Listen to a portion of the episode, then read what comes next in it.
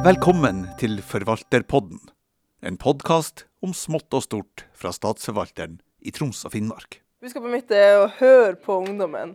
Um, det er egentlig det beste man kan gjøre når man er voksen politiker. Å høre på ungdommen, gi dem en stemme og hjelpe dem til å kanskje si akkurat det de mener. For ofte så kan det være vanskelig for ungdom også å komme på ting.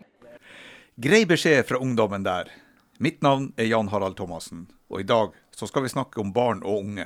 Og om statsforvalterens fyrvokter. Velkommen, Gro Davidsen. Takk for det. Vi må få avklart det her med en gang. Hva er en fyrvokter for barn og unge? En fyrvokter for barn og unge som jobber hos Statsforvalteren i Troms og Finnmark, eh, det er den personen som da har det her hovedansvaret for å koordinere og tilrettelegge for det som er vårt felles fyrtårn barn og unge. Er du et sånn her lokalt barneombud? Ikke akkurat et lokalt barneombud, nei, for jeg er jo ansatt hos Statsforvalteren. Og det betyr jo at jeg skal jobbe inn under områdene som Statsforvalteren jobber på. Men eh, min stilling er litt unik i det at jeg skal prøve å jobbe litt på tvers av våre fagområder. Og prøve å legge til rette for at folk, eh, både ansatte her, men også ute i kommunene og de samarbeidspartnerne vi har, skal ha et mye sterkere fokus på barn og unge og barns rettigheter.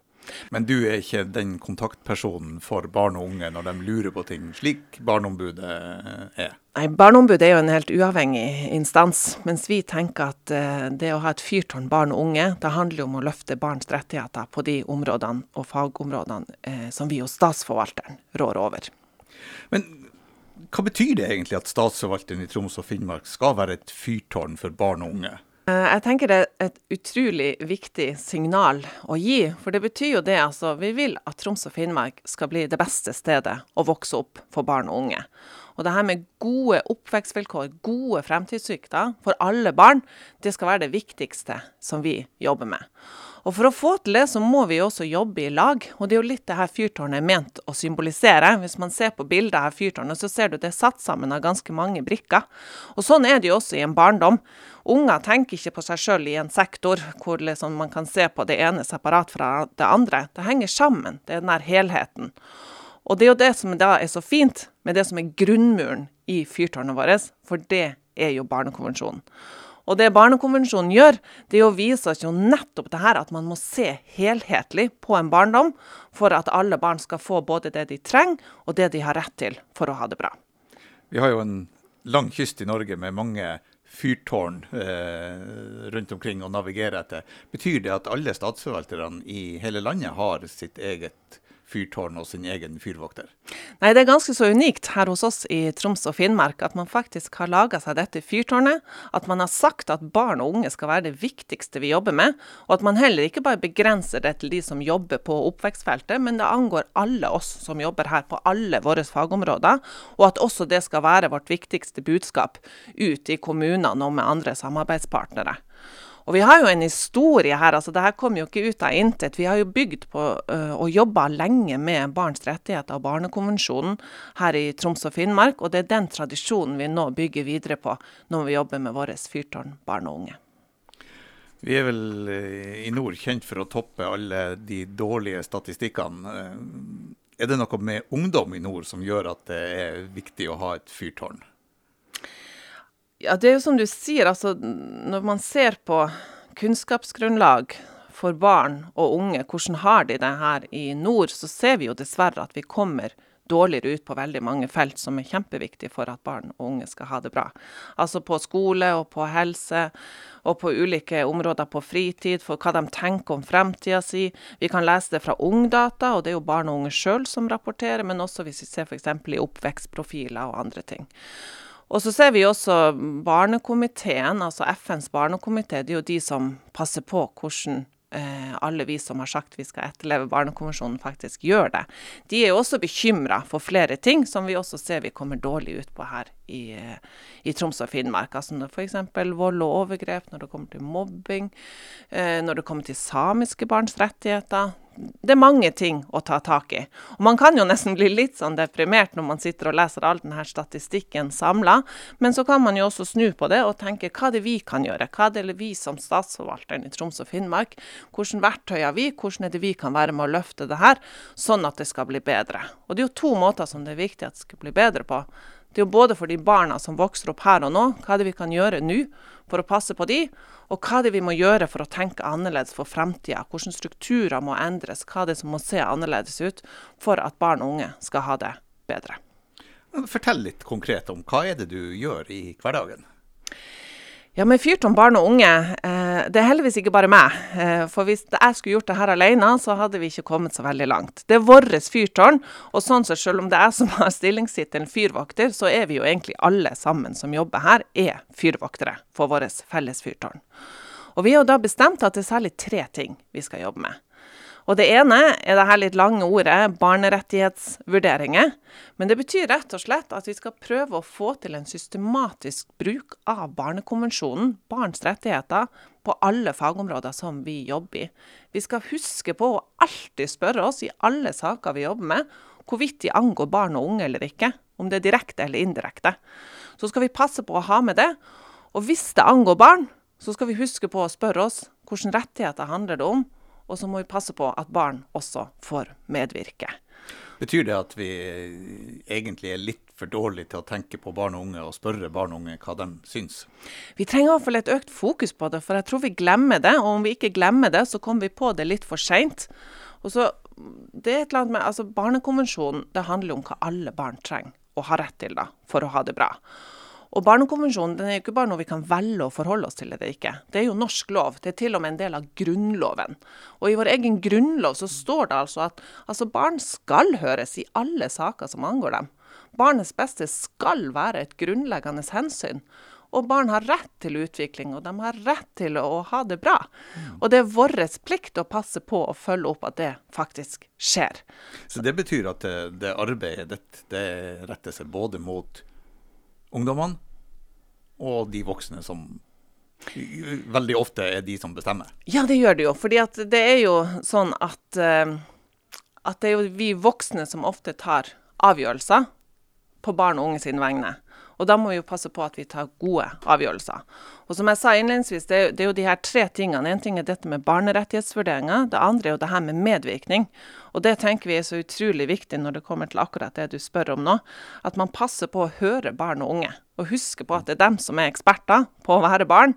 Og ergo så trenger vi å vite hva de tenker er viktig. F.eks. For, for sin oppvekst, eller for en sak, eller hva det skulle være. For det har de jo også rett til. Mm. Nå eh, er jo et av de her slagordene fra ungdommens side, eh, og som også har prega T-skjorte eller hettegensere, det er 'spør en ungdom'. Eh, og det er for å få oppmerksomheten på ungdommens medvirkning. I hvor stor grad har ungdom medvirkning i dag rundt omkring i store og små kommuner i fylket vårt? Altså På papiret så er jo denne rettigheten veldig sterk. Både i forhold til, som sagt, de skal eh, ha rett til å medvirke i alle saker som angår dem. Dette står jo i loven. Ungdomsråd er jo også lovpålagt, det ble det i 2019. Så alle kommunene skal ha et medvirkningsorgan med ungdom. Så på papiret står de her rettighetene veldig sterkt. Og så er det jo det her hvordan foregår det i praksis. Og det vi ser er at det er veldig store eh, variasjoner mellom kommunene. Noen er kjempegode, tar det virkelig på alvor, har tatt inn ungdommene i strukturene sine, legger godt til rette for dem, de får ta initiativ, de føler tilhørighet, og de får medvirke på gode måter. Mens andre ikke er der ennå, og har en vei å gå for å se det er noe med liksom å snu den der til åh, oh, det her er noe vi må gjøre fordi at det står i en eller annen lov, til å se også men det her er noe vi trenger. Du kan egentlig ikke legge til rette for at det skal være bra å vokse opp et sted uten å spørre barn og unge sjøl hva som trengs for å få det til. Møter du litt motstand eh, ute blant de voksne politikerne som kanskje tenker at ja, det er jo vi som vet best, vi har levd lengst og har erfaring. Ungdommen er nå litt overmodig og eh, ser ikke det store bildet. Ja, Den motstanden vi eventuelt møter på, det er kanskje hos de som ikke har møtt så mange barn og unge, og ikke spurt til så mange. Og så ser man at når man setter de i samme rom, så blir man overraska over hvor kunnskapsrike barn og unge faktisk er, og ikke minst også hvor løsningsorienterte de er. Man, altså Barn og unge er ute etter konkrete løsninger, og at man er, eh, har en idé om det. Man får ikke bare sitte og diskutere. Man må fram til noe. Det, det skal være noe, et konkret resultat av det. Så jeg tenker at, at, eh, at det er utrolig viktig måten vi jobber på, egentlig med å lage de her felles møteplassene. Hvor barn og unge møter også de her voksne som bestemmer.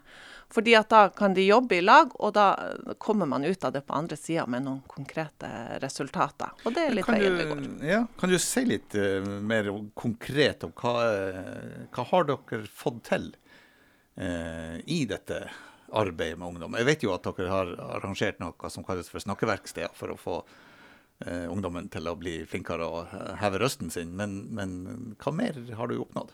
Ja, det er en måte. Vi, har rett og slett reist rundt og møtt ungdomsrådene. Fordi vi lurte jo på hva er det som skal til da for å få til bedre ungdomsrådsmedvirkning i alle kommunene. Sånn at ikke det skal være avhengig av hvor du bor om det her skjer, men det skal skje overalt. Og så tenkte vi de som var best til å svare på det, det er jo ungdommene sjøl. Så vi har jo reist rundt og møtt alle ungdomsrådene våre, og vi har hatt dem også med på våre møteplasser. Jobba med de, og der har vi jo kommet frem til fem konkrete punkt som trengs eh, for å få til bedre ungdomsrådsmedvirkning. Hva er de fem punktene? Det første handler om opplæring, både i forhold til opplæring av ungdomsrådet. Altså Du kommer inn kanskje som 13-åring og har aldri vært i et medvirkningsorgan før, så du må jo vite hva det er for noe, og hvordan du kan jobbe. Opplæring av ungdomsrådene, men ikke minst også ungdomsrådskoordinatoren. Altså Det må være en voksen person som har fått tid og ressurser til å faktisk jobbe i lag med ungdommene for å passe på at de blir hørt i de sakene som angår dem. Det andre handler om å invitere inn ungdomsrådene. Altså ta de med på lag, og ta de med tidlig. Ikke bare sving innom en sak helt på tampen av prosessen når det egentlig er avgjort, men ta dem på alvor. Ta dem med, lytt dem og ha med innspillene deres hele veien. Inviter dem med. Det tredje handler om forståelig informasjon. Det er veldig mange ungdomsråd som forteller oss at vi får 250 sider på skikkelig byråkratisk språk og aner ikke hva er det dere vil vi skal medvirke på. Det er ikke godt nok, det er ikke god medvirkning. Så man må passe på at de får den informasjonen de trenger, og at de forstår den informasjonen.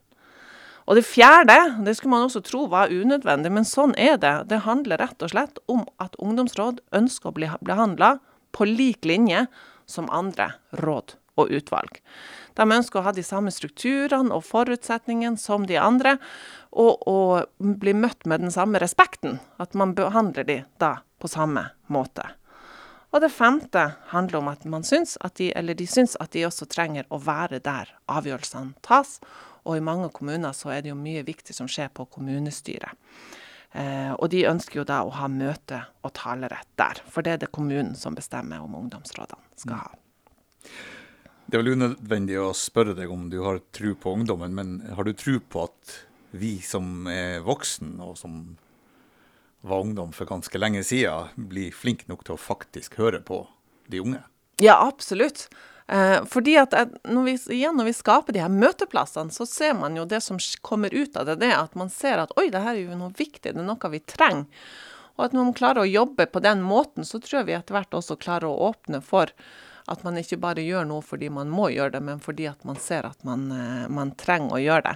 Og det er det jo ikke minst ungdommene som uh, legger opp til, fordi de er superdyktige på det de gjør, og de er en kjemperessurs som sitter der i kommunene og bare venter på å bli brukt. Hva er ditt aller viktigste budskap fra deg som fyrvokter for barn og unge? Jeg tror det viktigste å huske på, det er at det er betyr ingenting at barn kan ha så mye rettigheter de bare vil.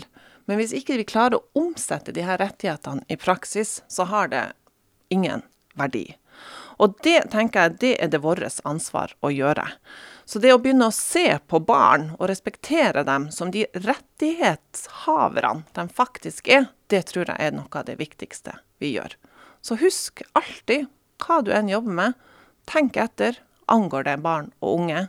Og så skal du jobbe deretter. Takk skal du ha for at du kom til Forvalterpodden, Gro Davidsen. Takk.